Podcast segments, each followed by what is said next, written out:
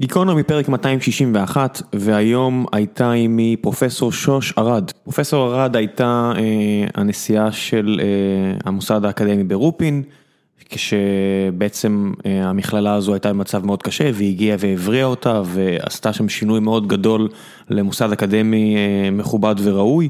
ובימים אלו ממש היא עושה משהו מאוד דומה עם אה, מכללת אחווה. אז דיברנו הרבה על איך זה לעבוד עם עם המכללות הציבוריות בארץ ועל הדרך שהיא עברה ולא מעט על תחום המחקר של הביולוגיה אה, ועל הקשרים העסקיים שהיו לה עם חברות כאלה ואחרות ועל ציונות.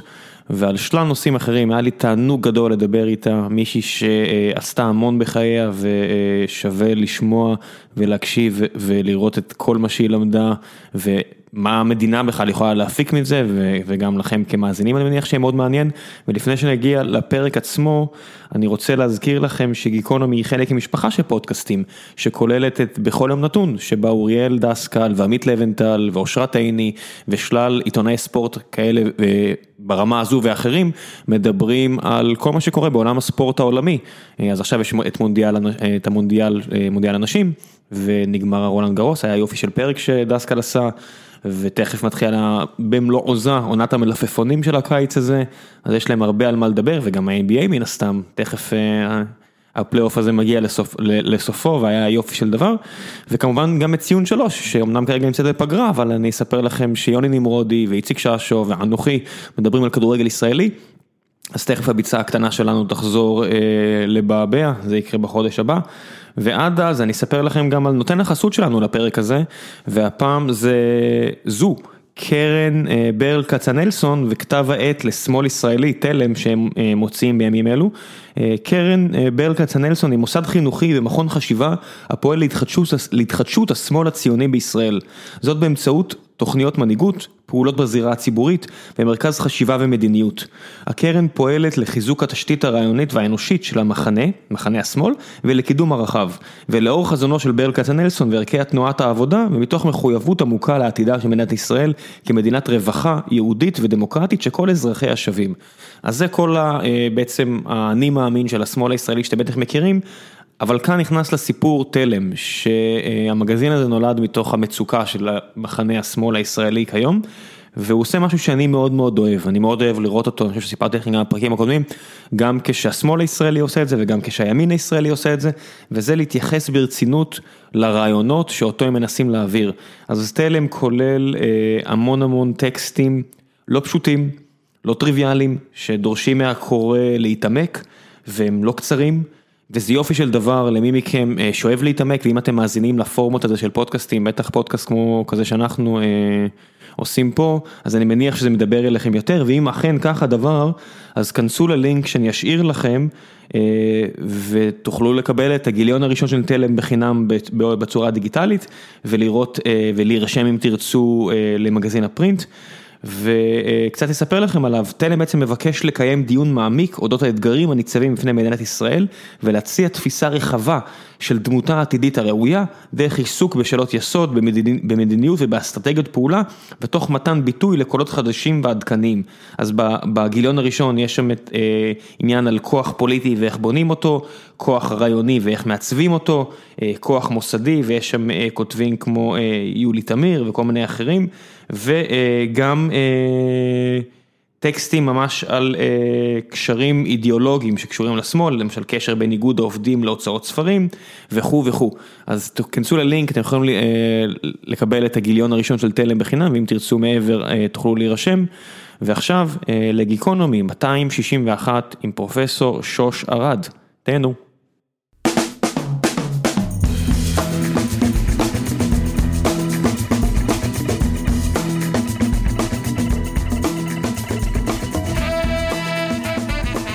גיקונומי פרק 261, והבוקר נמצאת עימי פרופסור שוש ארד, בוקר טוב. בוקר טוב. מה העניינים? אחרי נסיעה ארוכה, בסדר גמור. תודה רבה שהגעת, הגעת כל הדרך מהדרום הרחוק בעומר. כן. אה, מה את עושה שם עכשיו שאת אה, כל השנים, אחרי הרבה שנים במרכז, חזרת לדרום? לא, אני הרבה שנים בדרום, וכשאתה בטח מתכוון לתקופה שלי באופין, כן. אז הייתי נוסעת לא כל יום, אבל הייתי נשארת בתל אביב. אבל כל השנים אני בדרום, המשפחה שלי בדרום. איך, איך חוקרת ש, שהיא ומשפחתה מתגוררים בדרום לוקחת החלטה כמו לנהל עכשיו מכללה על סף פשיטת רגל באזור, לא יודע, אפילו צפונית לתל אביב, זאת אומרת שעתיים וחצי ממקום מגורייך, פלוס כן, מינוס. זה, זה לא היה על סף פשיטת רגל, זה היה לאחר, זה היה חדל, חדלות פירעון.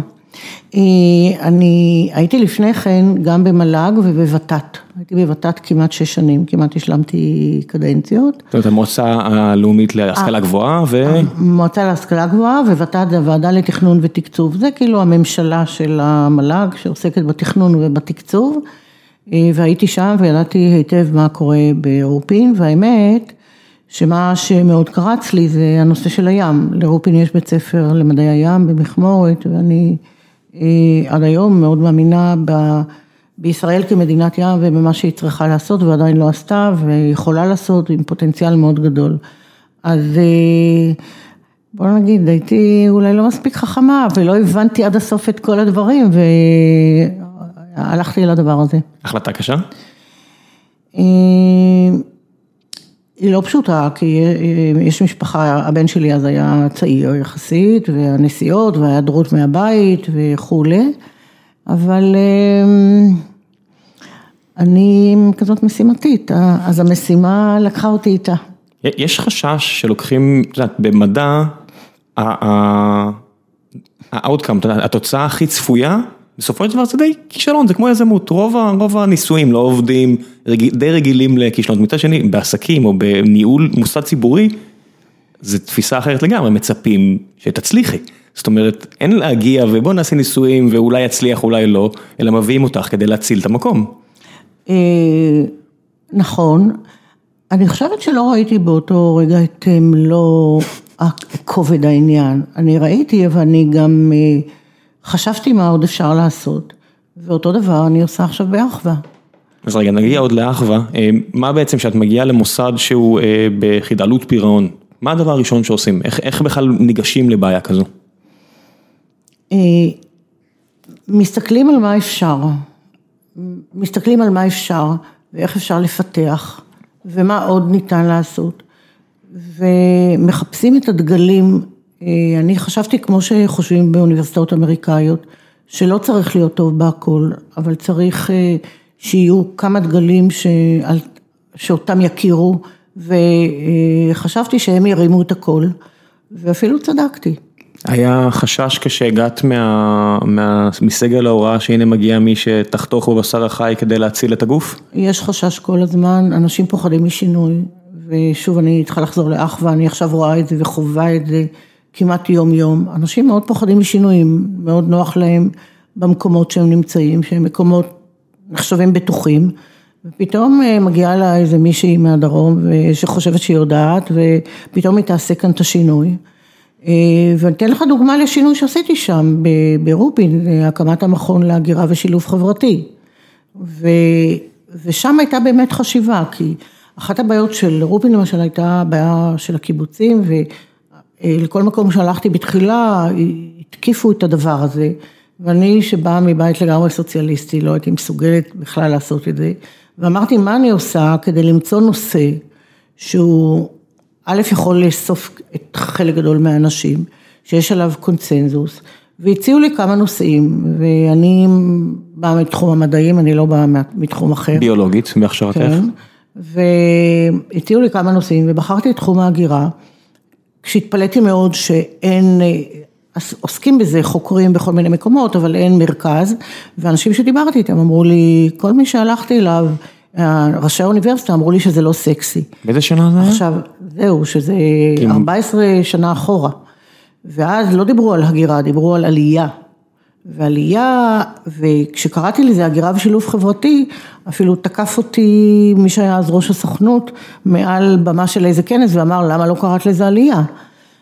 זה לא היה בורג, נכון? זה כבר היה אחרי בורג. לא, זה היה, אמ, קוראים לו, שהיה אחר כך ראש עיריית רעננה. אה, עוזי? לא, לא, ראש עיריית רעננה, אה, נו, תכף אני זוכר. לא משנה, עכשיו המאזינים קופצים במכונית וצועקים על הרמקול. כן. את השמות. אז אה, הם, אה, הוא אמר לי למה לא קוראים לזה הגירה ובאמת אה, אני לא רוצה להגיד שזו הייתה חשיבה יותר מדי מעמיקה, אבל אני הבנתי שהגירה זה תופעה בינלאומית, ועלייה זה תופעה פרטית, והיא מקרה פרטי של הגירה.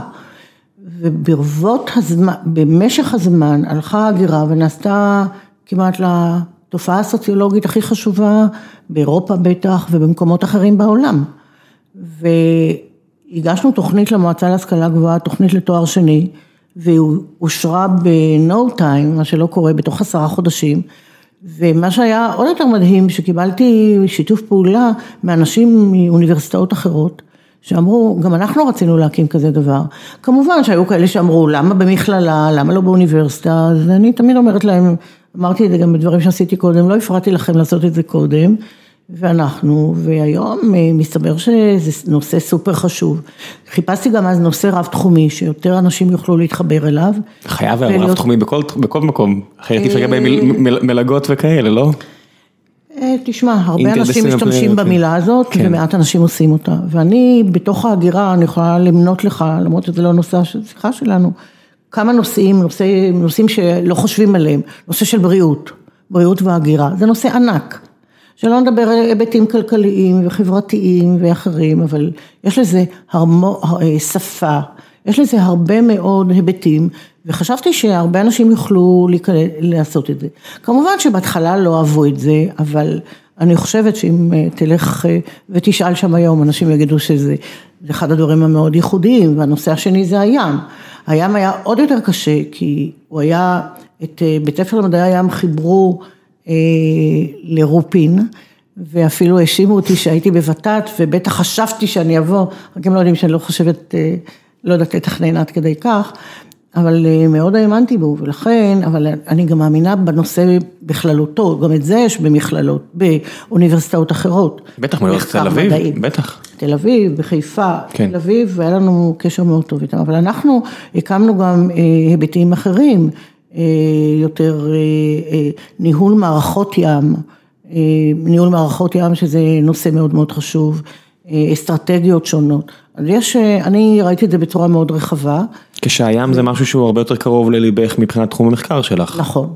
והעיסוק העסקי שלך שהיה לך גם. עסקי, כן, לא, אני לא אשת עסקים. אני קשורה עם אסטי לאודר, אבל אני לא אשת עסקים. אני יודע, הקמת ומכר חברה, אני חושב ש... לא, לא, אני לא מכרתי חברה. היית קשורה למכירה לכל הפחות. הייתי קשורה להעברת הטכנולוגיה, מה שנקרא Transfer of Technology.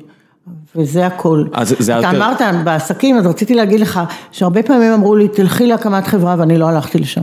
למה לא?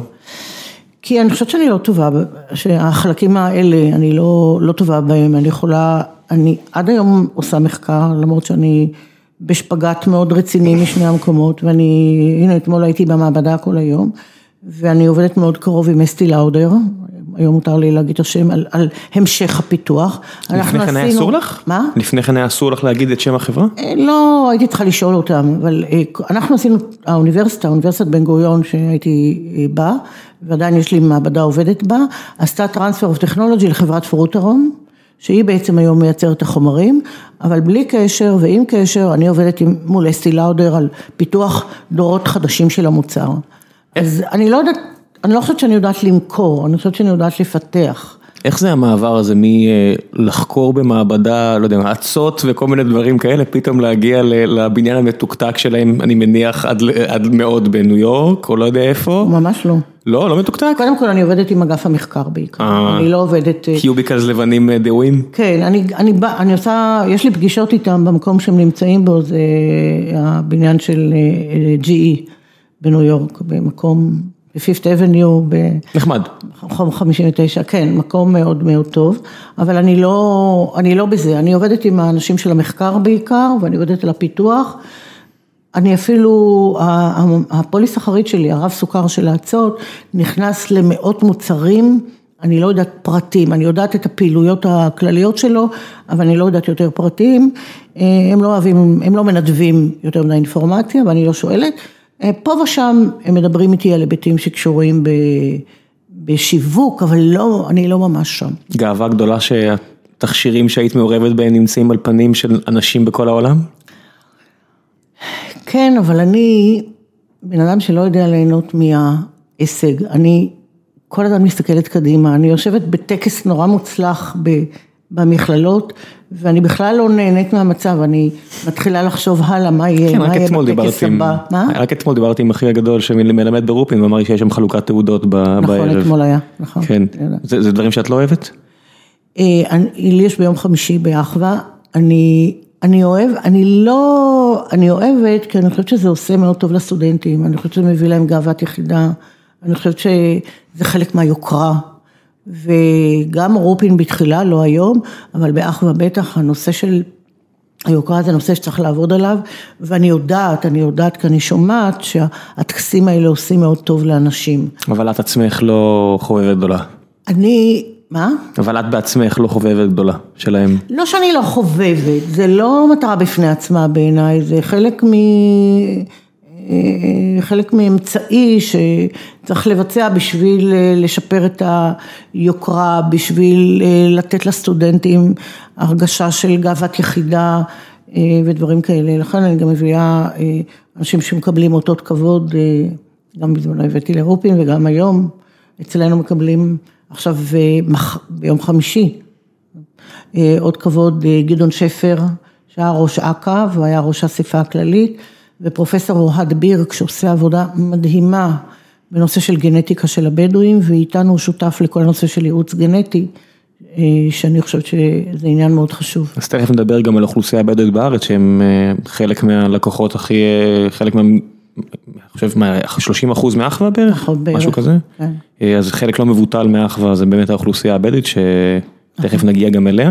איך בוחרים אנשים שמקבלים תארי כבוד? זו בחירה מאוד פוליטית, לא? אני אמרתי לך. לא בהכרח פוליטיקה. אני לא פוליטיקאית. נכון, אבל גם במדע יש פוליטיקה. הרי גם פרסי נובל בסופו של דבר, קודם כל יש ועדה, יש ועדה שממנה אותה המועצה האקדמית אצלנו, וגדעון שפר היה ראש האספה הכללית של אחווה ועזב, אגב לטובת פוליטיקה שבסוף נטש אותה, אבל אני חושבת שגם הוא איש מאוד ראוי, הוא היה ראש אכ"א, הוא היה טייס שיש סביבו סיפור הירואי, ולא פחות, וחלק, חלק מהחשיבה שלי זה מה אנחנו אומרים לציבור ובייחוד לסטודנטים. ואני גם, בדיוק כתבתי את הנאום שלי וגם אני אומרת את זה, זה האנשים שלאורם אנחנו רוצים שתלכו. והחשיבה אצלנו היו בוועדה בעיקר אנשי אקדמיה, והם לרוב לא חושבים ככה, חושבים, חושבים אולי אחרת, ואוהד, פרופסור אוהד בירק זה מישהו שאנחנו עובדים איתו, הוא עושה עכשיו פעולות הסברה לאוכלוסייה הבדואית, יחד איתנו אנחנו עושים סדנאות, שאין הרבה אנשי מדע שעושים את זה, אני יודעת, אין הרבה, אנשי מדע שמלכלכים את ידיהם, ודרך אגב זה גם נכון לגבי אסתי לאודר, הסיבה שאני הצלחתי איתם שהייתי מוכנה ללכלך את הידיים בכל רגע. פיזית, עם מצות. פיזית, אם להגיד להם, אתם צריכים דוגמאות, תקבלו דוגמאות. ואני אעשה את הדוגמאות. אני אעשה במעבדה שלי את הדוגמאות.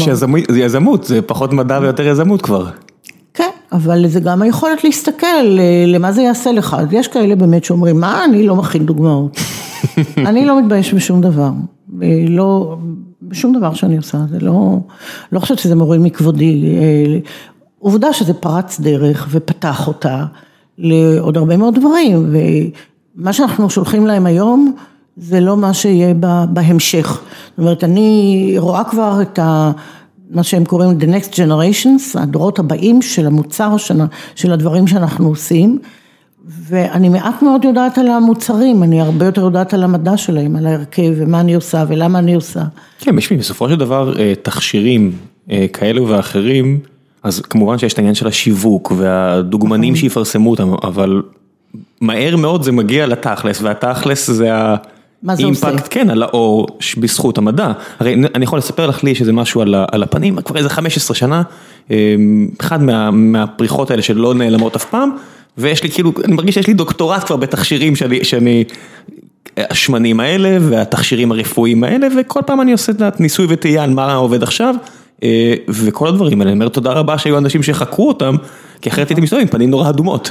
אז אני אענה לך על זה, א' אני מתנצלת, כיוון שאנשים יודעים שאני עובדת עם אסתי לאודר, אז הם הרבה פעמים אומרים, מה, מה זה משנה המוצר הזה, המוצר הזה? אני אומרת לו, אני יכולה להגיד לך, שבאגף המחקר שם עובדים לפחות 60 PhDים, דוקטורים. כן, לא מפתיע אותי. והם לא, הם עושים, הם עושים דברים, אז חלק מזה זה חלומות, אבל חלק מזה זה דברים שעושים, הם משקיעים בזה המון, ואני יודעת שאת אה, החומר מעצות הם מוכרים להם גם במחיר אה, לא נמוך. אה, זה דבר אחד, אני יכולה לספר לך, מה? מוכרים למי? פרוטרו מוכרת לאסטי לאודר במחיר לא נמוך. במחיר שלא כל חברת קוסמטיקה יכולה לעמוד בה. שזה חברת פרימיום, שבסופו של נכון. דבר המוצרים העיקריים האלה מאפשרים גם מדע. בדיוק. בדיוק, וככה אני רואה את זה.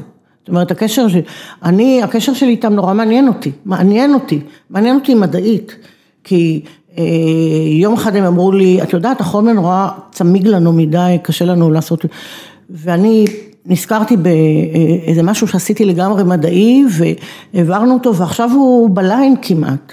אז זה, זה נורא כיף איך אתה, הקשר בין הדברים והאסוציאציות שעוברות בין הדברים.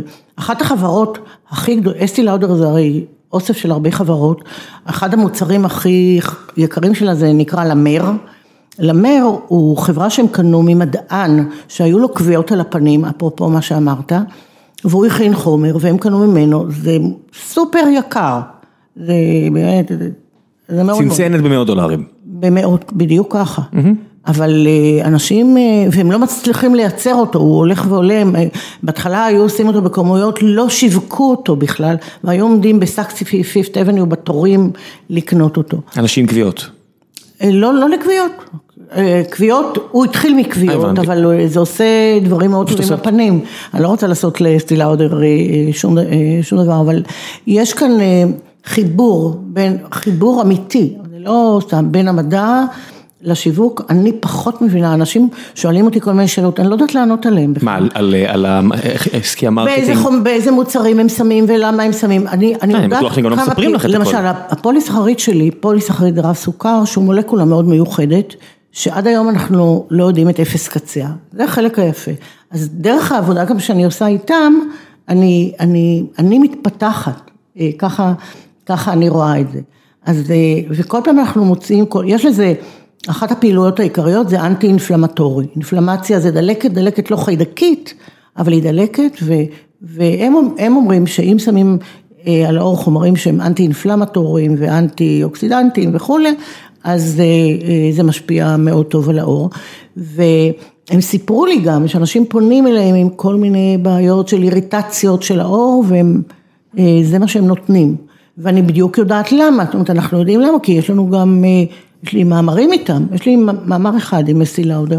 איך קרה ש, שדווקא בצרפת צמחו כל כך הרבה חברות כאלה, זאת אומרת גם התכשירים של, שאני משתמש בהם אישית, זה חברה צרפתית אחרת, לא משנה שמה, לא אסטי כן. לאודר, חברה אחרת שזה התכשירים שעוזרים לי לצורך העניין, איך קרה שכולם צרפתים? והרבה מהם צרפתים, עשיתי את הסקר שוק שלי. אני חושבת שהם מאוד uh, aware, מאוד uh, ערים לדברים האלה ולתופעות. ובסך הכל בסוף זה, בסוף לפחות בקשר שלי זה הרבה אמון אישי וקשרים אישיים וכולי. פשוט צמחה שם איזשהו ecosystem, צמח שם איזשהו ecosystem שמאפשר בעצם את הקיום של החברות האלה, שחברה כן. גדולה הביאה עוד חברות אחריה, כמו כן. שפה קרה עם ההייטק הטכנולוגי יותר? אני חושבת שכן. התוכנתי יותר, לא חומר. אני חושבת שכן, אני חושבת שכן, אני לא כל כך מכירה את ההיסטוריה, אה, אבל אני, אני מניחה שכן, ואני רואה, אבל אה, טוב, גם האמריקאים הם מאוד גירד לכסף, ואני, זה לא הדבר שעושה לי, לי עושה, האתגר הזה, לקחת את זה מ... מ אני, אני יכולה לכתוב על זה ספר, מה, מהמבחנה הראשונה שאני שלחתי, עד uh, הטונות שנשלחות אליהם היום. טונות. כן. טוב, אני יכול לתאר לעצמי, אבל את יודעת, אם את אומרת שאת... הרבה uh, טונות. אני מתאר לעצמי, אני רואה כמה אני שם על עצמי, אם את אומרת שאת אלרגית לכסף במובן לא, ה... אני לא אלרגית. לא אלרגית, מהבחינה של לא אוהבת או לא, זה קצת הרי מתפקידך, כמו מנכ"ל של חברה, אז מי שמובילה מוסד ציבורי, אני מניח שחלק לא מבוטל מהתפקיד שלך, זה ללכת להביא כסף. אה, כן. זאת אומרת, זה את, לא? את הפנים של, את הפנים של המוסד, את צריכה בטח לטוס הברית או לאירופה. אני לא עושה את זה עוד הרבה, כי לפני שאתה טס, אתה צריך שיהיה לך מה להגיד. אתה צריך, אה, אותו דבר עשיתי שבאתי לרופין, אמרתי, זה הדגלים, מה זה רופין? אה, אותו דבר אה, באחווה, אני עכשיו בונה את הפלטפורמה. והיא כבר בתחילת הדרך ואפשר יהיה ללכת ולהציג אותה. אז אתה אומר את הפנים, אבל... זה לא נכון? מה? כן. שאת הפנים? לא רק, אני לא, אני לא, זה מפחיד אותי, אבל אתה צריך להגיד, זה המוסד שאני במקרה עומדת בראשו, זה מה שהוא יכול לעשות, זה מה שהוא יודע לעשות, וזה תפקידו כמכללה, זה תפקידו באזור. ו, וזאת הסיבה גם שבאתי לאחווה. מה התפקיד של מכללה? כפי שאת רואה אותה. תראה, אני, אני אומרת לך, חלק מהבעיה שלי, שאני הייתי חברת ות"ת, ואני עדיין חושבת ות"ת. זאת אומרת, מה זה אומר? זאת אומרת שוות"ת אה, ראתה את החלוקה בין מכללות לאוניברסיטאות אה, בצורה מאוד ברורה ואמרה האוניברסיטאות יהיו אוניברסיטאות מחקר והמכללות בעיקר ייצרו את התואר הראשון, תכף אני ארחיב את זה. זאת אומרת לשוק העבודה, כלי לשוק העבודה? זה לא רק כלי לשוק העבודה. זה... ככה הם ראו את זה אולי? אה, לא, לא, אני בטוחה שלא. אני, אני תכף אתן לך אה, כמה דוגמאות. האוניברסיטאות לא עשו את שלהם בעניין הזה. האוניברסיטאות עדיין יש להם הרבה סטודנטים שלא, לתוארים שניים רואים את זה במיוחד, שלא עושים, שהם לא רק למחקר, והמכללות אף אחד לא השלים לגמרי את תפקידו. אבל אני אתן לך דוגמה, יש לנו תוכנית אה, באחווה אה, של BA רב תחומי, שמאפשרת לאנשים עובדים ויותר מבוגרים לבוא ללמוד. זאת אומרת באיזה שעות אנחנו מדברים? אה, שעות אחר הצהריים וימי שישי, והם באים, והדבר הזה הוא הוא, אתה יודע מה הוא עושה? הוא מיישר לאנשים את הגב. עם אה, המעמד שלהם המשפחתי, המעמד שלהם החברתי, המעמד שלהם הכלכלי, הכל עולה, לא, לא בגלל שזה עשה להם מקצוע בהכרח, כי זה, מה שלומדים אצלנו זה בעיקר מדעי הרוח, יש שם אה, כמה חטיבות, אבל זה בעיקר מדעי הרוח. אבל אני, אני, אני הרבה משחקתי עם סטודנטים ואני מדברת איתם, זה אנשים באמת יותר מבוגרים, הם יכולים להיות בני 40 ו-50. והם סיפרו לי מה זה עשה להם בחיים כשהם התחילו ללמוד. ואתה יודע מה? הם התחננו שנעשה תוכנית שהם יוכלו ללמוד לתואר שני. כי כל התוכניות של אחווה היו תוכניות בחינוך, ועכשיו עכשיו הבאנו להם תוכנית שנקראת תרבות עם ישראל. אני ביקשתי מהמל"ג שתוכנית שהייתה רק הוראה, יהפכו אותה לתוכנית יותר כללית בתרבות עם ישראל. תוכנית מאוד כללית ואנחנו מכינים עוד תוכניות כאלה, הם, הם יוכלו והם מאוד מתעניינים, בלימוד, הם, הם רוצים להמשיך ללמוד, עשה להם משהו מאוד טוב. כשמה ההבדל זה בעצם? מעבר, זה מעבר למקצוע. היום, מה ההבדל בעצם בין תואר ראשון לשני בתוכניות כאלו? אה, המשך לימוד, אין, אה, אין הרבה, אם זה לא משהו מקצועי, אז אה, אנחנו גם עכשיו מתכננים משהו שהוא יותר מקצועי, אבל יש בזה משהו מאוד חשוב. תיקח אנשים שעובדים ב... אה, בכל מיני מקומות כמו החברה להגנת הטבע, הקרן קיימת, זה אנשים שרוצים להתפתח. יש להם, רובם עם תואר ראשון, והם רוצים להתקדם לתואר שני, א', המשכורות שלהם עולות, וב', אני חושבת שכל המעמד החברתי שלהם, אני לומד, והיכולות שלהם מאוד משודרגות. והידע, העובדה שהם רוכשים ידע. משודרגות בגלל הידע. כן. הידע, הידע, הידע, והם צמאים לזה. אני אתה יודע, אני, אחד הפלאים שאני רואה זה את הצמאון הזה שלהם. התפקיד הנוסף שיש למכללות זה תפקיד אזורי, אני קוראת לזה להיות המגדלור, שמאיר על הסביבה. ויש לי דוגמה מאוד טובה מאחווה עכשיו, זה הפרעות בתקשורת, שבכל הדרום אין שום תוכנית בהפרעות בתקשורת, מכל הדרום. ופתאום אנחנו פתחנו תוכנית כזאת, ואני יודעת שכולם מדברים עליה, כי בדרום, מירוחם ובאר שבע וכל האזור, אין קלינאיות תקשורת. עכשיו, אין, יש חוסר בכלל בארץ, והנה אנחנו הבאנו נביא, זה רק עכשיו מסתיימת שנה ראשונה, שהיא שנה מאוד חשובה. זו תוכנית להכשרה של קלינאי תקשורת, קלינאיות, קלינאיות תקשורת? ללימוד, או... זה לא, אני לא רוצה להגיד שזה יצא הכשרה, זה לימוד מאוד רציני. גם מחקר? אה, עדיין אין לנו מחקר כי אנחנו רק פתחנו, אבל אני מניחה שבהחלט אה, יכול להיות אחר כך. זה יכול גם מאוד להתחבר עם אה, תוכניות בחינוך שיש לנו. כל הדבר הנוסף שרציתי להגיד לך, התפקיד האזורי. למשל, אחווה נמצאת באזור הדרום. זה לא נגב, זה 40 דקות מתל אביב, זה 40 דקות מבאר שבע בערך. זה לא נגב, יש הרבה תוכניות לנגב, יש הרבה, ועיני לא צרה בהם, אני באה משם, ויש הרבה תמיכות בנגב. האזור הזה נשאר פריפריה. ואני אומרת לאנשים, אה, אתם לא יודעים, זה 40 דקות מתל אביב, אבל זו פריפריה אמיתית, ותפקידנו לעזור לה. באזור הזה, ברצועה הזאת, שבערך אה, מקווה שש, מערבה, כל הרצועה הזאת, למשל, יש חוסר של 500 אחיות היום. אני פשוט נמצאת בדיון עם משרד הבריאות על, אה, על פתיחה של תוכנית סיעוד נוספת, כי יש צורך מאוד גדול. באופן כללי, בכל מה שקשור ב... להכשרה של תקנים למשרד לסיעוד, הרפואה. לסיעוד, כן. נכון. גם הרופאים, אחיות, הכל, לא? נכון, גם רופאים, אנחנו גם אה, מתכוונים ללכת לתוכנית שנקראת קדם רפואה, שאנשים יוכלו ממנה להמשיך לרפואה, או, או בארץ או בחוץ לארץ, וריפוי בעיסוק יש חוסר. הכל. בהכל. עכשיו, הוא מאוד מתבטא באזורים האלה, כי אין לזה תמיכה. למשל בצפון פחות, אה, החוסר בסיעוד הוא הרבה יותר קטן. באמת? כן. איך את מסבירה את זה?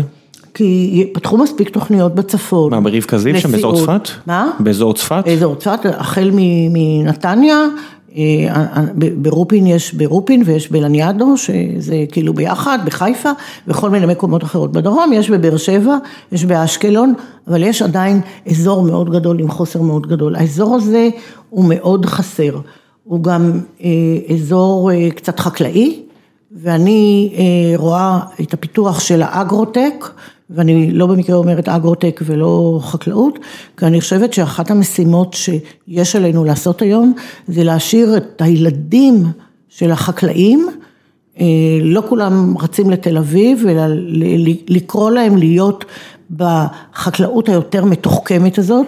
את לא צריכה לשים מרכאות, זה באמת חקלאות מתוחכמת. זה חקלאות מאוד מתוחכמת, והיא ממש מחברת, אה, היא ההייטק, היא צריכה להיות ההייטק של החקלאות. את יודעת, כל השנים היא הייתה, גם יש פה עניין של מיתוג.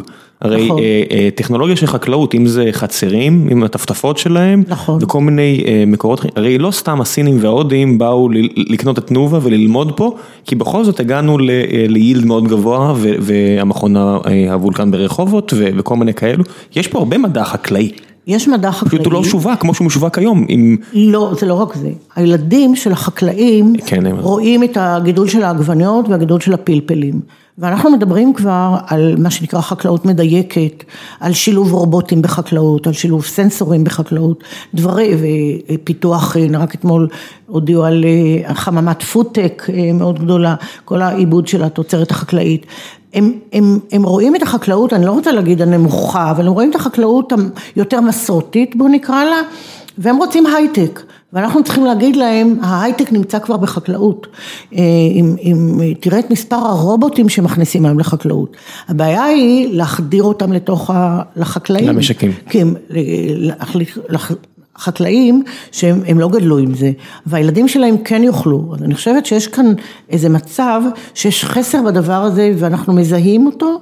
מזהים אותו, ואני אה, הקמתי אצלנו ועדת היגוי לכל נושא האגרוטק, ששותפים בה גם יורם קפולניק שהיה יורם מכון וולקני, ואשר גרינבאום שהיה מנכ"ל כי"ל, ויחד איתם אנחנו פשוט מזהים את ה... כן, כן, תמשיכי.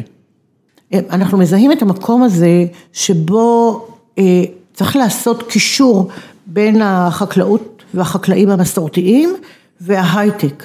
ולהפוך את החקלאות, ולכן אני קוראת לזה אגרוטק, אה, לעשות את החיבור הזה, החיבור הנכון, יש אצלנו אנשים למשל שעובדים על הדברה ביולוגית, שהיום נכנסת יותר ויותר, ואני יודעת שבאזור, איפה שהמכללה נמצאת באזור באר טוביה, בערוגות, כולה היא בהדברה ביולוגית, ולכן יש, אה, אני חושבת שיש נפתחות אפשרויות מאוד. רק צריכה לזרוק את המילה קנאביס לשם והכסף יזרום, את יודעת. אז אני הקדמתי את זה, לפני שנה עשיתי כנס על קנאביס. אצלכם באחווה? באחווה, והבאתי את האיש הכי טוב בארץ, את רפי משולם. אה, הוא הסכים לבוא. ובאמת הגיעו הרבה אנשים מהאזור. מי שלא מכיר רגע, פרופסור רפי משולם, אה, הבן אדם שבעצם אה, זיהה את החומרים הפעילים בקנאביס, אה, הוא הראשון שסינתז, אני חושב, CBD ו-THC, אם אני זוכר נכון. נכון, הוא חוקר את זה, האיש הוא כבר לא צעיר. לא, לא. אבל הוא פעיל, והוא עושה מחקר כבר בטח 50-60 שנה. מהמובילים בעולם. על הקנאביס, כן. הוא מוביל בטח בישראל. הוא הסכים לבוא אלינו, זו הייתה חוויה גדולה, חוויה גדולה. ופשוט עשינו את זה לפני שנה, אבל אה, עשינו את זה לפני, ואני מאוד שמחה עם זה. את מרגישה שיש פה איזושהי רכבת שאולי קצת פספסת אותה, או שאת עדיין יכולה לא. לתפוס אותה?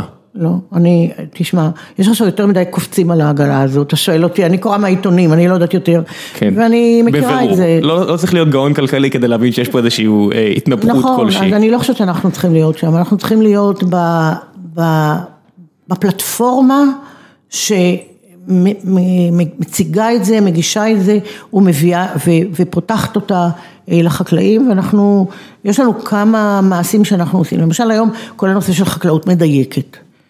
אה, הכוונה שלנו לעשות קורסים ולהכשיר אנשים, להכשיר חקלאים, למשל בדברים האלה. כשאת אומרת חקלאות מדייקת, את מתכוונת מה, לכמויות מים, לסוגי הזרעים? הכל, שהכל יהיה, אה, שיהיו סנסורים שיקבעו כמה מים צריך לתת, שיהיו סנסורים שיגידו כמה מזון צריך לתת, שיהיו סנסורים שיגידו מתי לקטוף ואיך לקטוף ומה לעשות, אה, שיגידו מתי לרסס ואיך לרסס ומה זה, הכל אה, הופך להיות, לכן קוראים לזה מדויק, כל אחד רואה את זה בהיבטים שלו, אבל אנחנו רוצים לפתוח את זה, להנגיש את זה. איך זה לעבוד, זאת המילה. איך זה לעבוד עם אוכלוסייה כמו אוכלוסייה בדואית שנמצאת אה, קרועה בין אה, תרבות מאוד מסורתית לבין העובדה שהיא חיה במדינה שהיא די מתקדמת סך הכל ואת מקבלת אותם לתוך מוסד שיש לו כל כך הרבה שאיפות אה, מודרניות עדכניות, איך, איך זה בא לידי ביטוי עם 30% מהסטודנטים שלך? אני, אני רוצה להגיד משהו על עצמי, כשפנו אליי לבוא לאחווה, פנו אליי, אז אמרתי ברגע הראשון לא, כי וואו, הייתי אחרי אה, תקופה, וחשבתי וחשבתי, וחשבתי דווקא על הבדואים.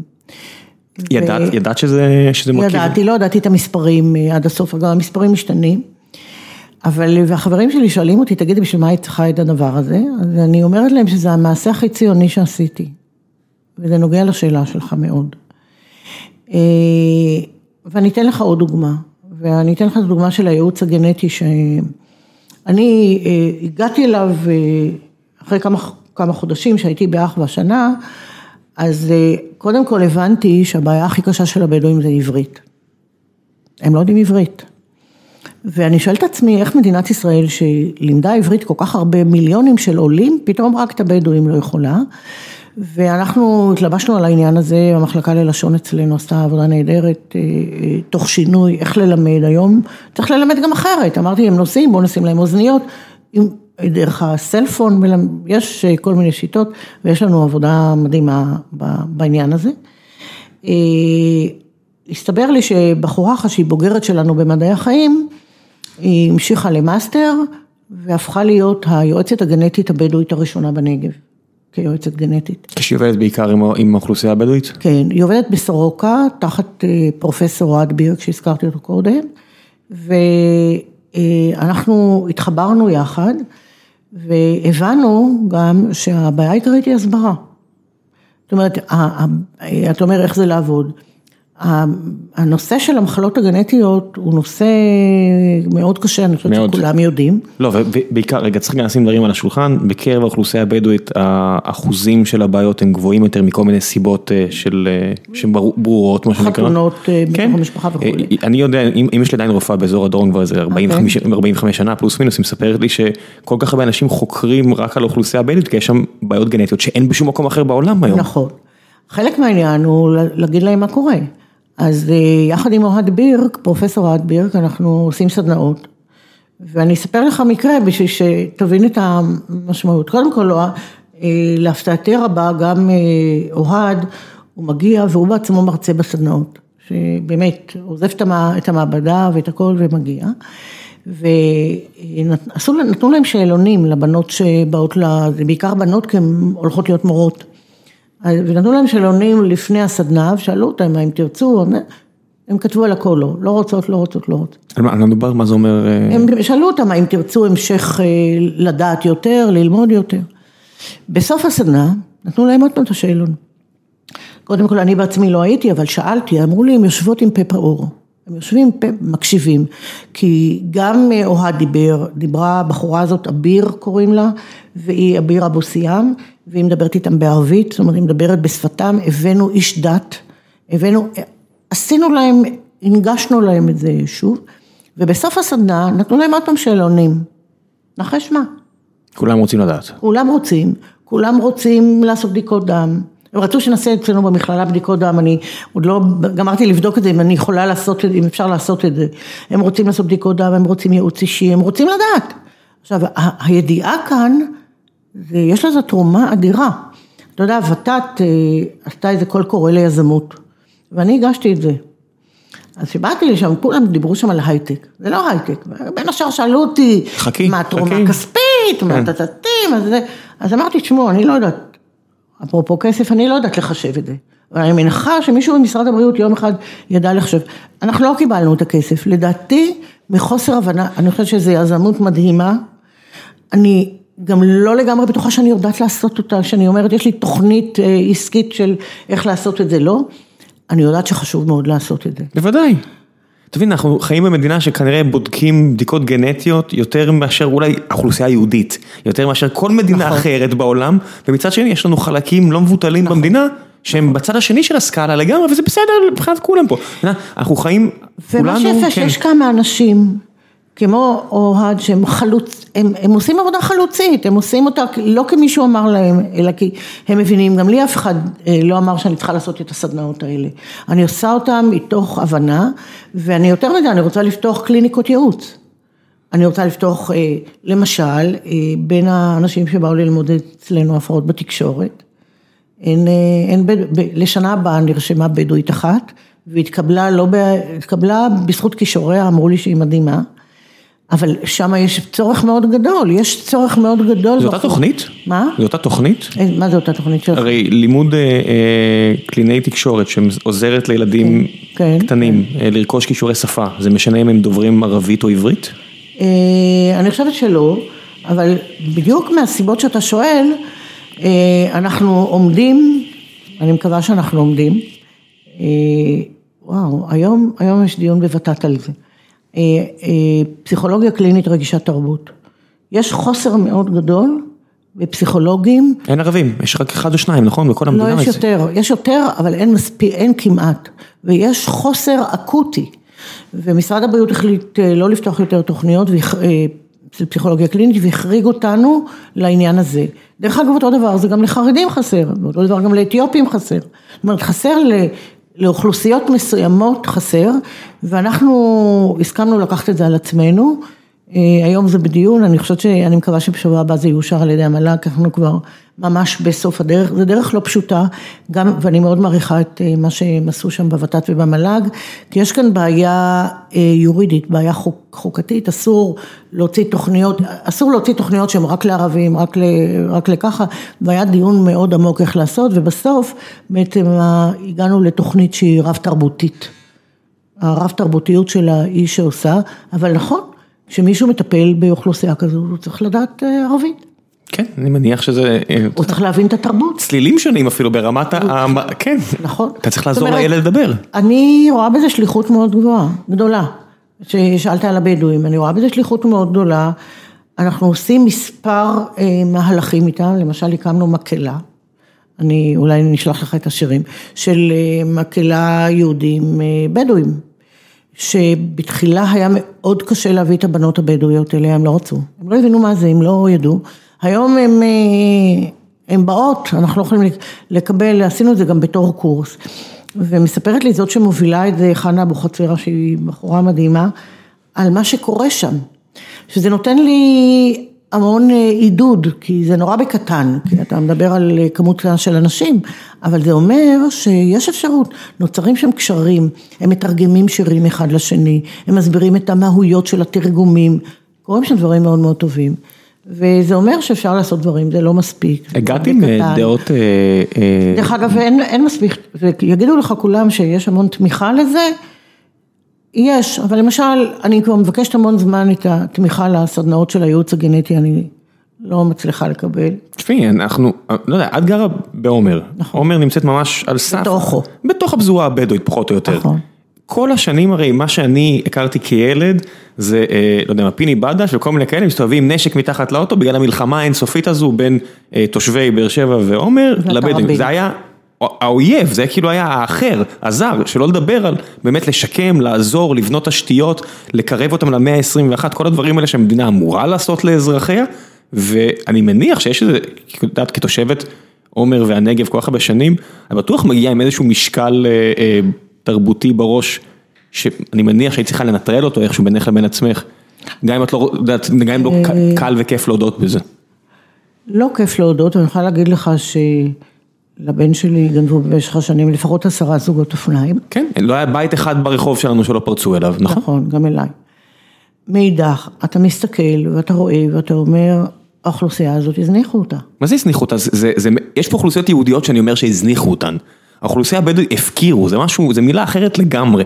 אנשים לא מבינים עד כמה האזורים האלה אה, מפגרים בזמן, זאת אומרת, אחרי מה שאנחנו רגילים. מאידך, אתה רואה היום שם אנשים צעירים, שהם התרוממו, אישרו את הגב ועושים עבודה מדהימה. אה, מוחמד אל-נברי, שהיה ראש עיריית חורה, אנחנו נתנו לו אגב עוד כבוד. הוא העלה את מערכת החינוך בחורה ברמות, בסדרי גודל. מגיעים שם להישגים אה, טובים, לא מספיק טובים. תראה, שום דבר הוא לא מספיק טוב, תמיד אתה יכול לעשות יותר. אבל אני חושבת שבסך הכל נעשה מאמץ, נעשה מאמץ, אני קצת מקטרת שלא מספיק. לא, זה בסדר גמור, תקטרי עוד, כן. אה, לא, אלה שאני מקטרת בפניהם לא אוהבים את זה, אבל... אה, לא נורא. אני, אני, אני מחפשת תמיכה נוספת. אני לא חושבת שזה, הכל צריך ליפול, שחלק גדול נופל על כתפינו, ואני חושבת שזה לא נכון. אבל... אה, מאיזה משרד ממשלתי את יכולה בכלל לדבר על דבר כזה? יש כמה היום. קודם כל, אה, יש הרשות לפיתוח הבדואים, שהיא סימנתי לך לגבי אה, כמה זמן על זה שאלות, שלא יודעת אם את לחוצה בזמן.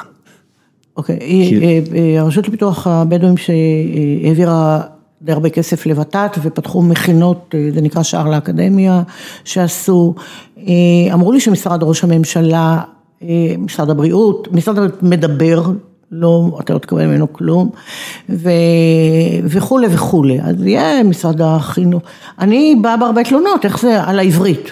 בוא, בוא ניקח את העברית כמשל. איך יכול להיות עכשיו העברית, שפה, זה פתח להמון דברים. להכל. לתק, בדיוק. תעסוקה, לתקשור, שיתוף פעולה, הכל. לתעסוקה, ל, ל, להסתגלות חברתית, ל, לכל מיני דברים. אז אני חושבת שהיה צריך לעשות למשל מאמץ הרבה יותר גדול בשפה. ואנחנו לקחנו את זה על עצמנו ואנחנו עושים את זה לבד. שמצד אחד זה משמח, מצד שני, אה, אני לא יכול שלא לחשוב שזה, להגיד שזה גדול עליכם זה understatement, המשימה הכבירה הזו, נכון. אתם מכללה יחסית צנועה בהתחלה, וגם אם היית אומרת לי שאוניברסיטת בן גוריון לוקחת על עצמה, עדיין הייתי אומר שפרופסור דניאל חיימוביץ' היה פה לא מזמן, הייתי אומר, זה גם גדול עליך, זה, זה אמורה להיות משימה לאומית, הרי בן גוריון אמר את זה, אה, אז אני מניח שהוא התכוון יותר ליהודים, אבל אה, תראה, באחוזים אצלנו האחוז הגבוה, ו... ואת- ו- ואנחנו לא בוחרים, זאת אומרת, אנחנו- מי שרוצה ללמוד כמעט ועומד באיזשהו סף, יכול ללמוד אצלנו. ואני חושבת שזו תרומה אדירה. זה בטוח. יש לנו קבוצות, סטו- קבוצות סטודנטים שפעילות ברהט למשל, רק עכשיו היינו איתם בסעודת ב- בצום הרמדאן, שהיה מדהים, מדהים מה שהסטודנטים אה, עושים שם, והקשרים שהם הורגים איתם, ויש כל מיני עמותות בארץ, עוצרת הארץ, אגודת הסטודנטים שמעורבות בזה, אה, זה מאוד יפה לראות את זה, אני לא ידעתי את זה עד שהגעתי לאחווה, וזה יפה, יפה לראות את זה, זה לא מספיק. זה עוזר לך או פוגע בך בסיכויים שלך לגייס תרומות למכללה? שאלה קשה. כי אני יודע מחלק התורמים לפחות האמריקאים הגדולים הם בעלי שיוך פוליטי כזה או אחר שלא יאהבו את זה ואני מניח שחלק אחר כן יאהב, את יודעת מיקי גיצין היה פה לא מזמן מהקרן החדש, ממנכ"לת הקרן החדשה לישראל, הרי כולם יש איזושהי דעה שכל המיליארדרים בעולם הם נורא ליברליים, זה לא נכון. נכון. זה לא נכון, זה גם, אה, זה גם מרתיע חלק מהסטודנטים לבוא ללמוד אצלנו. בוא... כן. אין לי ספק, יודעת, אם בבן גוריון זה נגיד, לא יודע מה, האוכלוסייה הבדואית ערבית היא אחוזים בודדים, אז ההבדל ל-30 אחוז, היא בדיוק יכול לעשות את ההבדל, מי שיגיד, אני רוצה להיות עם אנשים שדומים לי, כמו הרוב המוחלט של בני אדם, אבל אני רוצה להיות עם מי שדומה לי. נכון, גם הלבוש, אה, במיוחד של הבנות, החיוואג', אה, עושה הבדל. מאוד גדול. כן, זה, זה מרתיע, מי שהוא מגיע מבית חילוני, לראות אנשים מאוד דתיים מולך, הרי קסנופוביה, אני לא צריך להסתכל על מהגרי עבודה אה, שחורים מאפריקה, קסנופוביה גם חיה בקרבנו, זאת אומרת, כן. זה לא, אין מה לברוח, זה, זה, זה, זה עובדה שאת צריכה להתמודד איתה. איך מתמודדים עם דבר כזה? לא פשוט. לא, לא פשוט. לא, לא פשוט. לא פשוט. אה, לכן, אה, איך אמרה לי יורית הוות"ת, את יושבת עלינו ככה על הווריד, ואני אני זועקת לעזרה. מסכנים. שאת יושבת להם על הווריד. אני זועקת לעזרה בכל מיני דברים, כי זה לא, אנחנו לא מתאימים, ות"ת מחלקת כספים לפי קריטריונים מסוימים, ובשביל חלק מהדברים צריך קצת לנוע וקשה להם, קשה, אני יודעת שהם מנסים לעזור לנו באמת הרבה, אבל בחלק מהדברים קשה להם, אין מה לעשות. כן. זה מורכב, אבל עדיין אני רואה את תפקידנו, למשל בהקמת, אני כתבתי על זה גם, מרכז פארה-רפואי בין תרבותי, שיש בו מרכז פארה-רפואי לאזור הדרום, שיש בו חוסר מאוד גדול, שגם מכשיר, גם הפסיכולוגיה קלינית שאותה הזכרתי, פסיכולוגיה קלינית רגישת תרבות, וגם הפרעות בתקשורת, וגם סיעוד, וגם כל ה... אנחנו עשינו הסכם עם תל השומר להכנת, להכשיר אנשים, להיות מעבדנים רפואיים, לעבוד במעבדות. דווקא עם תל השומר, לא עם סורוקה? עשינו, אנחנו עשינו את זה עם תל השומר. יותר פתוחים לדברים כאלה? זה לא ש... מה? הם יותר פתוחים לדברים כאלה? אני לא יודעת אם הם יותר פתוחים, זה, זה משהו אישי, זה יצא מתוצאה אישית שהיא מאוד מאוד טובה מבחינתנו, והקדם רפואה כשנתחיל אותו והסיעוד יהיה מאוד נכונים. ואני חושבת שהשלב הבא יהיה להקים קליניקות שיטפלו באנשים, גם בהפרעות בתקשורת. יש, הפרעות בתקשורת, התור לקבלת רופא בדרום הוא שנה. דרך כלל יש לך ילד בן שנתיים והוא מגיע רק בגיל שלוש. הנזק החברתי שלו בגיל הזה הוא כבר עצום, זאת אומרת יש לי אחיינית אחת שעברה הרבה טיפול בקלינית, יש לי קלינית תקשורת וההבדל הוא כזה גדול, האיכות חיים שלה השתפרה. בסדרי גודל. בסדרי גודל, ממצב שדעת שאף אחד לא מבין אותה, אני לא הייתי מבין אותה, אחותה הייתה צריכה להסביר לי מה היא אומרת, לא הייתי מבין אותה, הייתי צריך להסיע אותה ממקום למקום, וממצב שזהו, הכל בסדר, נורמלית לגמרי, וטיק טק, אבל כי אבא שלה והאמא שלה מסוגלים לחתוך את התור הציבורי. נכון, ויש חסרים מאוד גדולים בעניין הזה, בלהציב אנשים בירוחם ובמקומות אחרים. זה בערבה, אני יודעת שיש חוסר, חוסרים מאוד גדולים, אז יש כשל מאוד גדול בריפוי בעיסוק, שאנחנו עכשיו בודקים את האפשרות. למי שלא מכיר, זה פשוט טיפול, זה לא אורתופדיה, אלא טיפול בפציעות אצבעות, ולרוב וכל מיני כאלה. רק להגיד, בקלינאות תקשורת, זה גם, זה לא רק לילדים. כן, בוודאי. יש הרבה בעיות לאנשים מבוגרים. כן, אני... של בליעה ואכילה וכל מיני כאלה דברים ש... פחות מדברים עליהם, אבל הם בהחלט קיימים ובהחלט דורשים טיפול. אני מאוד שמחה שגייסנו כמה אנשים מאוד טובים לעניין הזה, אנחנו עובדים בזה גם עם המחלקה לאף אוזן גרון בבית חולים ברזילי. אנחנו מאוד קשורים בנושא של פסיכולוגיה קלינית רגישת תרבות, אנחנו עוד לא פתחנו את התוכנית, אבל אנחנו משתפים פעולה עם בית החולים הפסיכיאטרי בבאר שבע. יש שיתופי פעולה אזוריים מאוד חשוב, אבל מאוד חשוב לי להגיד שהאזור הזה של הדרום, שהוא לא נגב והוא לא מרכז, והוא כל כך קרוב לכל מקום והוא עדיין הוא פריפריה. מאוד. רוב האנשים לא יודעים, פשוט לא יודעים. כן, הם נתקלים ב, לא יודע, מטלבי אליהו, הם שמעו שיר של אלג'יר, או לא יודע מה, או כל מיני מקומות כאלה. פשוט לא יודעים כמה חוסרים יש במקום הזה, ודווקא, אתה שאלת אותי מה תפקיד המכללות, אני בדיוק רואה בזה, אני חושבת ש... אחד הדברים שאנחנו צריכים ליצור, שהילדים של האזור יבואו ללמוד אצלנו, הם כרגע נוסעים לכל מיני מקומות אחרים, ואנחנו רוצים כן שהם יבואו אלינו, כן להכשיר אותם באגרוטק, בנושאים הפארה-רפואיים השונים, וגם בחינוך. כן, אני חושב שאפילו הפוטנציאל העסקי נטו, את יודעת, מגיע לפה האורח הבא שמגיע אחרייך, אהרון אהרון, שהיה מועמדן הראשי לישראל. כן. וחלק מהדברים שהוא מסתכל עליהם, אני מניח שהוא יספר עליהם, זה בדיוק הדברים האלה, הרי נכון. יזמים ישראלים מאוד טובים בלזהות טרנדים, אבל יש מקומות שצריך טיפה לדחוף כדי להקים, רק להנביט את הזרע הראשון, וזה אגרוטק למשל, כי יש פה פוטנציאל נורא גדול מהרבה סיבות, ויכול להיות שבלי התערבות ממשלתית זה לא יקרה. כן. אז הרבה אנשים מהימין הכלכלי יגידו, אז אם זה לא יקרה, אז אולי זה לא היה אמור לקרות, השוק לא זה, אבל קשקוש הרבה פעמים. יש הרבה, הרבה הזדמנויות עסקיות שאפשר ליצור אותן. נכון, ואתה התחלת בלשאול מה תפקיד המכללות, זה חלק מזה. גם לספק אנשים, גם לספק אנשים עובדים, וגם לפתוח מרכזים כאלה, לדעת שיש לך מרכז אקדמי כזה, שהוא מש, משליך על כל האזור. ולכן המכללות התחילו כמכללות אזוריות, היום זה לא בדיוק ככה, אבל יש לזה תפקיד, לדעתי, תפקיד עצום, ש... שהאוניברסיטאות לא היו בו וגם לא צריכות להיות בו, זה לא, אני חושבת שהן צריכות להישאר באזור המחקר. בואי נעבור קצת לשאלות מהקהל.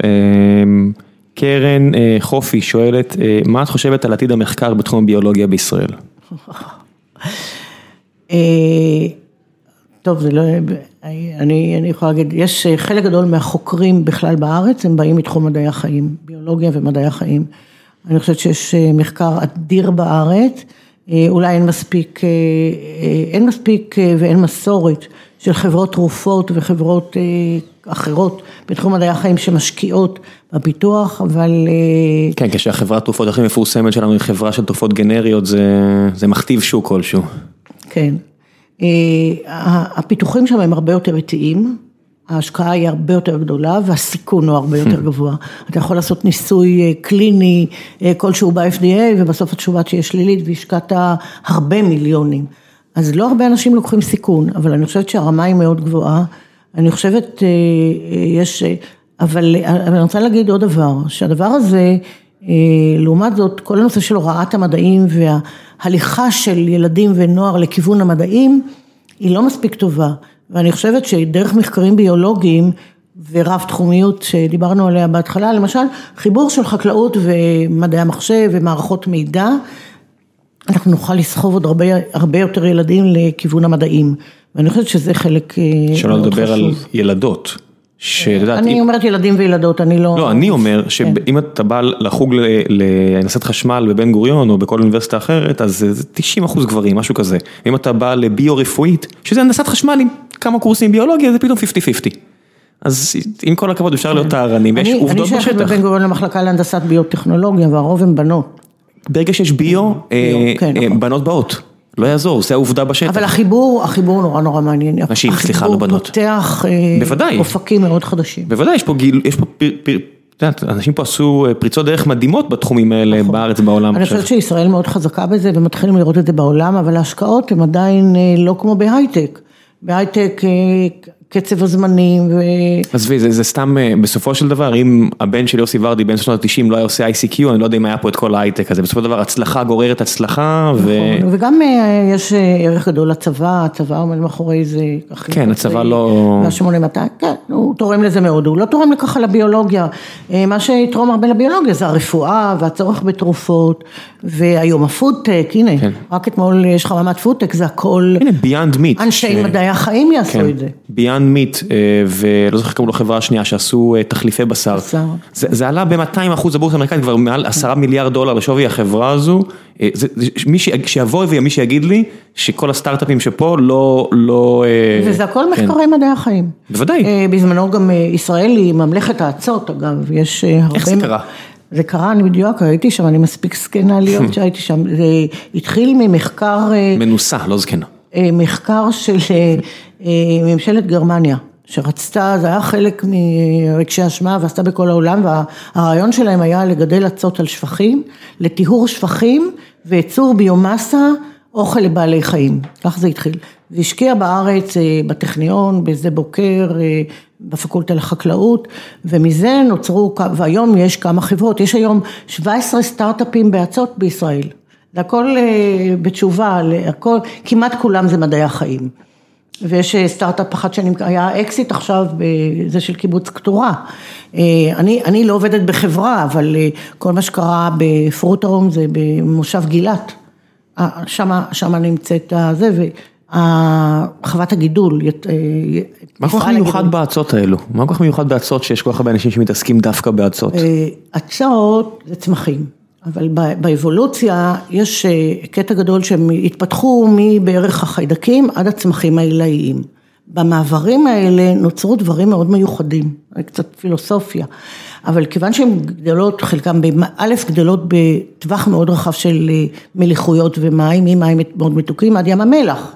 הצעה אחת שמאוד, המפעל באילת, זו הצעה שבודדה מימות מאוד מליחות בעולם, בגובה המליחות של ים המלח. אז הם פיתחו לעצמם כל מיני פיגמנטים מיוחדים, צבענים, שמסייעים להם לעמוד באור מאוד גבוה ובמליחות, הקומבינציה הזאת היא קומבינציה מאוד קשה. אז יש הבית הקרוטן שבאילת יש, המפעל היפני הזה שמוכר ביפן, בין הכרותינו פרו-ויטמין A, ויש האסטקסנטין של קטורה, ויש הפוליסחריד. הארצות שאני עובדת איתן ועוד מגוון רחב של פיגמנטים. אז יש להם מגוון רחב של חומרים, חלקם יותר מסורכים, חלקם פחות, דווקא הקרוטינואידים, לדעתי בסוף יעשו להם הנדסה גנטית. הפוליסחריד, מה כאן, כשאת אומרת הנדסה גנטית זה מה, פשוט התערבות? יהנדסו אותו, ייקחו את הגנים ויעבירו אותם לחיידקים שיותר קל לגדל אותם ולא צריך... כן, בדיוק היה פה פרק על קריספר לא מזמן. כן, אני גם עובדת על קריספר עכשיו. והמולקולה שאני עובדת עליה, שהיא מולקולה נורא גדולה ונורא מסובכת, בשנות חיינו לא יסנטזו אותה. אבל יש לה כמה פעילויות מאוד מיוחדות, גם באנטי אינפלמטורי, גם אנטי אוקסידנטי, גם נגד איריטציות אה, כאלה ואחרות. אז הם פיתחו מגוון מאוד רחב של חומרים שלא יודעים ולכן אה, חשבו, וב' דיברו עליהם כמזון, אה, שני דברים הקפיצו אותם כמזון בגלל חוסר חלבון, והדבר השני היה דלק. מהדלק קצת ירדו בגלל כל מיני בעיות, אבל כן, יש ב-17 סטארט-אפים. זה האמת מרשים. הכל ממשלת גרמניה. בסדר, את יודעת מי, לא, באתי להגיד משהו, אני אבטל מה שרציתי להגיד, אה, משהו מטופש. עידו אה, חוגג שואל, מה דעתך על אה, מסלולי המעבר שהונהגו בעבר ומדוע הם בוטלו? לכל הפחות הוא אומר על מדעי המחשב.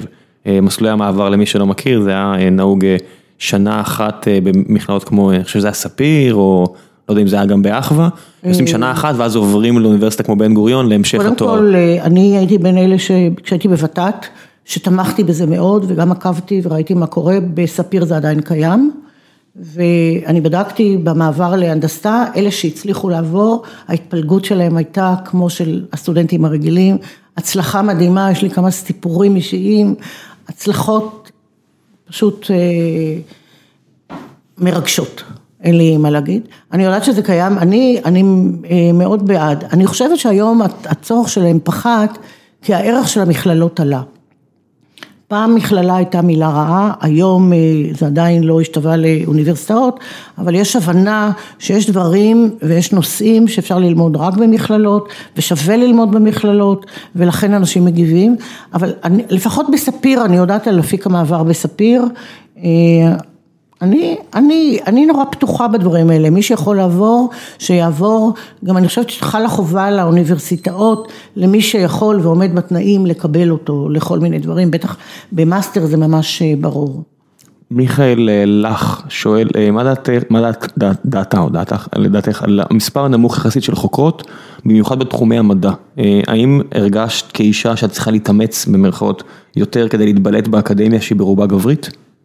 וואלה, זו שאלה מסובכת. קודם כל במדעי החיים יש המון בנות. במדעי החיים ומדעי הרפואה, לדעתי יש יותר מ-50 אחוז חוקרות.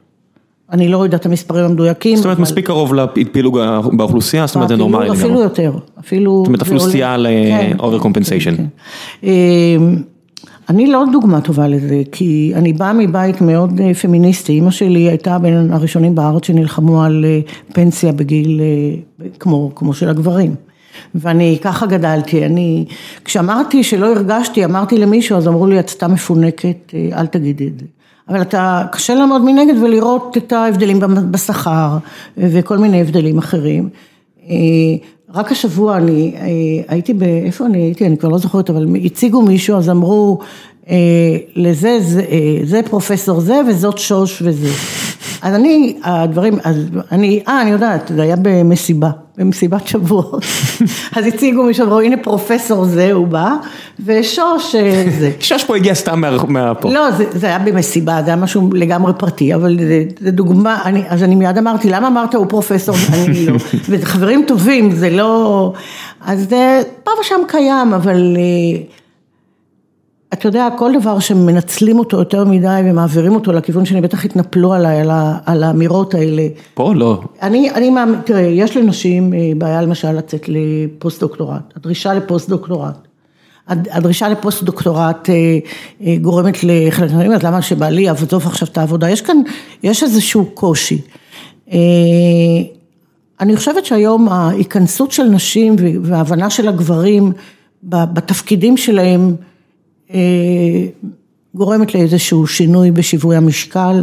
אצלנו במכללה באחווה, הרוב בנות, רוב מאוד נשים מאוד מאוד גדול, גם סטודנטיות שבעיקר הן באות לחינוך. אגב, בהפרעות בתקשורת, בשנה שעברה, בשנה הראשונה יש רק בנות, לשנה הבאה אני יודעת כבר שנרשמו כמה בנים ברוך השם, אבל יש כאלה מקצועות.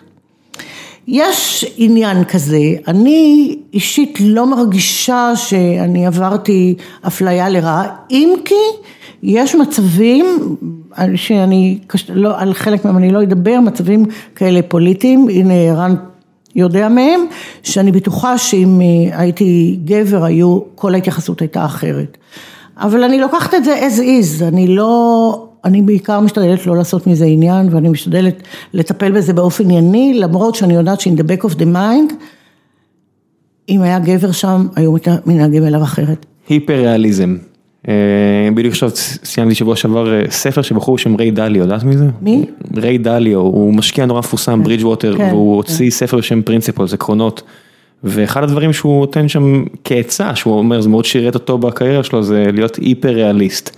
זה לא אומר להיות פסימי, אתה יכול להיות אופטימי והיפר ריאליסט, אבל תמיד לדעת מה, מה, מה המצב האמיתי הנוכחי. נכון, אבל מצד שני בעניין הזה הלכו קצת יותר מדי, אתה יודע, כשהמטוטלת זזה יותר מדי, אז היא עושה כל מיני, יש לי חברים שאומרים, אני לא לוקח, יוצאים מספיר, סיפר לי מישהו, עומדות בנות, אני לא לוקח אותן, כי אני לא נוסע עם בנות לבד באוטו. לא, לא רוצה להתקל בזה, אז זה הגיע למקום לא טוב. זה לא מקום, זה כן, זה, זה... אבל יש, יש הרבה כאלה, יש הרבה כאלה, זאת אומרת צריך לשמור את זה בצורה כן. ריאלית. בוא נעשה עוד שתי שאלות, אלון הרמן שואל, האם יש מקום להעלאה של שכר הלימוד בארץ, המטרה להעלות את איכות ההוראה והתשתיות, מעבדות, מימוני פרויקטים וכו', והאם נדרש לשם כך שיפור יצירת מנגנוני מלג... מלגות והלוואות לסטודנטים? תראה, אני חושבת שכרגע לא.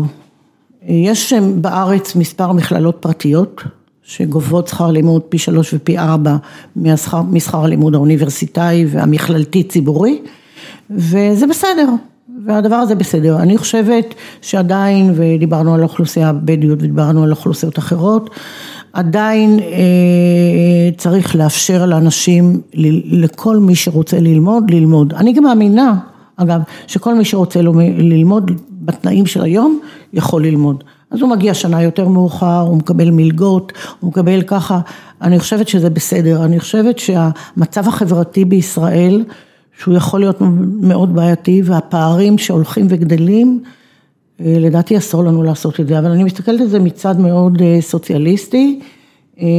אני חושבת שעם זאת, אני חושבת שיש גם מקומות שהיו יכולים לחיות בצניעות רבה יותר ואפשר היה אני רואה את זה יום יום. אני בטוח. עופר ברנע שואל, בתור מי שמעורב עמוק בקהילת החוקרים הישראלים הנמצאים נמצאים מעבר לים, בעיקר בפוסט דוקטורט, איך את מרגישה עם הגדרתנו, במרכאות פה, מורחות בורחים, כאשר האקדמיה בישראל מחייבת אותנו מצד אחד לקחת את הצעד הפסיכי הזה, לרוב זה צעד כלכלי שלוקח אותנו שנים אחורה, ומצד שני לא משקף את הסיכוי הנמוך מאוד להיקלט חזרה באקדמיה, הוא רושם פה אחוזים בודדים. ומעל לכל זה, אקדמיה ברמת דוקטורט לא מכינה את החוקרים להלן מוחות, כניסה למגזר הפרטי והתעשייה, קטנה ככל שתהיה. כל מה שהוא שם נכון, נעשה מאמץ על ידי ות"ת לפני כמה שנים, להקים מרכזים, מרכזי מחקר, שיביאו להם בעיקר אנשים שחוזרים. קשה מאוד, קשה מאוד להתחרות. עם מה שמציעות אוניברסיטאות בעיקר אמריקאיות אני מדברת, שבאות, רק עכשיו סיפר לי אפילו בני שהיה בכנס שבא אמריקאי ונותן דיווח על קבוצה של 50-60 אנשים, אין לנו קבוצות כאלה, אין, אין. אתה אומר איך אני מתחרה עם זה? בא להם בכמות הציוד וכמות אחרים. עם זאת, מדינת ישראל באופן יחסי עושה מאוד טוב, אז אני חושבת ש... המוחות הבורחים זה תמיד היה, תמיד יהיה, אולי אפשר לשנות את הכמויות, אבל קשה מאוד להגיד לאנשים שרואים באופן חד ממדי, רעני, עושה רק מחקר, אני חושבת שהם משלמים על זה בדרך אחרת, באיך מגדלים את הילדים, זאת אומרת יש לזה כל מיני פנים אה, לעשות את זה, וזה נכון שהאקדמיה לא מכינה אה, לפוסט, לאנשים, אה, למחקר תעשייתי, ואני חושבת שבעניין הזה אפשר היה לעשות הרבה יותר טוב, אני חושבת בשיתוף פעולה תשאל את זה את האורח הבא שבא אליך. אני אשאל, אני בטוח שגם ישאלו אותו המאזינים. שזו שאלה מאוד מאוד מאוד חשובה מבחינתו. וגם היו צריכים לתת לזה יותר מלגות, אתה יודע, כל מיני, למרות שנותנים כל מיני פוסט-דוקים. ולפתוח משרות מיוחדות לכאלה שחוזרים, אבל אני חושבת שזו מלחמה מאוד קשה, כי אנשים הם לא באים, הם, הם פשוט רואים באופן חד ממדי, זה האופק שלי, ואחר כך שנה רודפת שנה רודפת שנה והם שוכחים לחזור באיזה דרך. כן, אני מכיר לא מעט כאלה גם בתעשייה. כן. בוא נעשה שאלה אחרונה וזהו. אביחי שואל, היכן עובר חופש הביטוי באקדמיה? האם למרצה למתמטיקה מותר לומר למשל ש-X שווה ל-Y ואז להוסיף שצריך לסיים את הכיבוש? את מה? צריך, ואז, ואז להוסיף על הדרך שצריך לסיים את הכיבוש. או לחילופין, לא יודע מה, לא יודע מה, ישראל אומן מדבר מהצד השני על כלכלה ואז הוא אומר צריך להעמיק את הכיבוש, אני לא יודע, כל מיני כאלה. איפה דעתך בנוגע לחופש הביטוי באקדמיה? אני חושב, אני חושבת שחופש, מה זה חופש ביטוי? לא חופש ביטוי פוליטי, אני חושבת שאין, באקדמיה לא צריכה להיכנס לפוליטיקה. זאת אומרת במהלך שיעורים, הרי בסופו של דבר אנשים פרטיים שיגידו מה שהם רוצים במהלך שיעורים. אנשים פרטיים מה שהם רוצים, מתי שהם רוצים ואיך שהם רוצים. במהלך שיעורים אני אפילו פנו אליי, דרך אגב פנו אליי, יש לי פנייה בעניין הזה על מישהו, מישהו מסוים, ואני חושבת שזה דבר שצריך לטפל בו, ואני חושבת לא, אני לא חושבת שלא ישראל אומן וגם לא אני, יש לי דעות משלי שאני לא אומרת אותן, אני לא, לא אומרת אותן כשמלמדים לסטודנטים שלי, אפילו כמעט באופן פרטי. כל אחד, אני, אני חושבת שהאקדמיה באה ללמד, היא צריכה ללמד, יכול להיות שיש מקרים בודדים, בטח אתה שאלת את זה בבן גוריון שיש שם... יש מישהו, כן. תוכנית מיוחדת. דוקטור גורדון, כן. כן. תוכנית, אני חושבת שהוא סטה ממה שהוא היה צריך, אני, אני לא קוראת לזה חופש ביטוי, אני, אלא אם זה נושא השיעור שלו, אני לא חושבת שזה נושא השיעור שלו, כמו שאני לא חושבת דברים אחרים, אבל אני חושבת שהאקדמיה צריכה, דרך אגב, במקום שאנחנו נמצאים זה מאוד רגיש, מאוד רגיש, מאוד רגיש, הם שרים התקווה, לא שרים התקווה, יעמדו, לא יעמדו, יפריעו, לא יפריעו. אוי, איזה... אני רק חושב על זה, בסופו של דבר כל הדברים הקטנים האלה, נכון, מה שקורא לו רעש פה בעבודה. כל שנה שואלים אותי אם בטקס הבוגרים שיארך ביום חמישי, ישירו את התקווה, ואני אומרת כן. לא, כמו שאני מכבדת ואני הולכת לסעודת iftar ואני מכבדת דברים אחרים, אני רוצה שיכבדו אותי, אני, בצורה הזאת אני רואה את זה, אבל אנחנו מכבדים את החגים של אחרים ומנסים ללמד לזה. אבל לא, לא פוליטיקה. יש אנשים שואלים האם הם עומדים כששרים בתקווה או לא, אני אומר אם המדינה הייתה עושה את העבודה שלה בצורה נהדרת, נכון. כולם היו עומדים. בואי נספר לכם סוד, אם כל היישובים הבדואים לא היו נראים כמו שהם נראים, אחוז העומדים בשירי התקווה היה גבוה פי כמה, ולא משנה אם יש שם נפש יהודי וכל מיני כאלה, כי מדינה היא הרבה מעבר ללאום כזה אחר, היא בסופו של דבר במתן שירותים בסיסיים לאזרחים שלה. הם נותנים, תביא. הם לא נותנים, תדאג, תברר למה הם לא נותנים. אני שמעתי שבעבר גם אצלנו היו הפרעות. בניסיון שלי, בשנה שעברה בטקס הבוגרים לא הייתה שום הפרעה, היה לנו עכשיו טקס לכבוד יום הזיכרון. הם לא השתתפו בו, ברור. הם לא השתתפו, שזה בסדר בעיניי, אני אפילו הערתי על זה, אבל, ואמרו לי שבעבר הפריעו, אף אחד לא הפריע. אולי עמדו מהצד והסתכלו. יש מרחק גדול בין, יש מרחק גדול לבין נכון. לצאת מה, מהטקס לבין להפריע לו. נכון. להפריע לו, לא, לא לצאת להשתתף. אפילו, לא להשתתף. אל תשתתף. זה בסדר, נכון. כן. אני מקבלת מאוד את ה... אני חושבת שהכבוד הוא הדדי, הוא צריך ללכת לכל הכיוונים. וזה מה שאנחנו מנסים לשדר. כן, זה גם, את יודעת, את רואה את זה עכשיו בכל העולם, הרי גם האוכלוסייה השחורה בארצות הברית עכשיו בשנים האחרונות סערה בעקבות שחקני פוטבול שקראו בערך בזמן ההמנון וכל מיני כאלה, זה...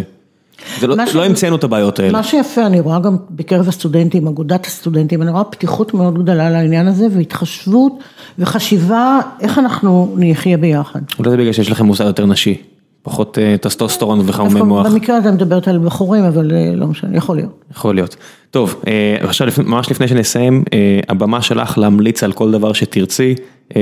אין לנו רגולציה אצלנו, אז כל דבר שבא לך להמליץ עליו, לכי על זה. להמליץ מה? מה שבא לך. ספר, סדרה, מוסד שלך, חוגים שבא לך לקדם, כל דבר שבא לך. אני רוצה להמליץ לאנשים לבוא לדרום, לראות איך באר שבע התפתחה, בזכות רוביק דנילוביץ', שעושה עבודה מדהימה, כולל מוזיאונים למדע לילדים ודברים אחרים. אני רוצה להמליץ למדינת ישראל להשקיע הרבה בקריית מלאכי. בקריית מלאכי. כן, אני אשמח אם מישהו מהשומעים יגיד, אני, יש לי חלום להקים שם מוזיאון למתמטיקה. בכל עיר גדולה בעולם יש את זה, ואחווה מאוד טובה בהוראת המתמטיקה, ואני הייתי רוצה שאנחנו ניתן לזה את הפוש, ושמקריית מלאכי תצא איזושהי תורה, אני חושבת ש... אני חושבת שרוב האנשים לא היו ולא מבינים את הפערים שנפתחים. כן, הרוב המוחלט פשוט חוצה את צומת קסטינה ולא באמת מסתכל ימינה או שמאלה. גם אני לא עשיתי את זה עד שבאתי הנה, אני לא מאשימה אף אחד. אני לא מאשימה אף אחד. ואני מאוד הייתי רוצה שאנחנו באזור שאנחנו נמצאים נקבל תמיכה מהממשלה, יותר בכל מיני כיוונים שיהפכו את ה...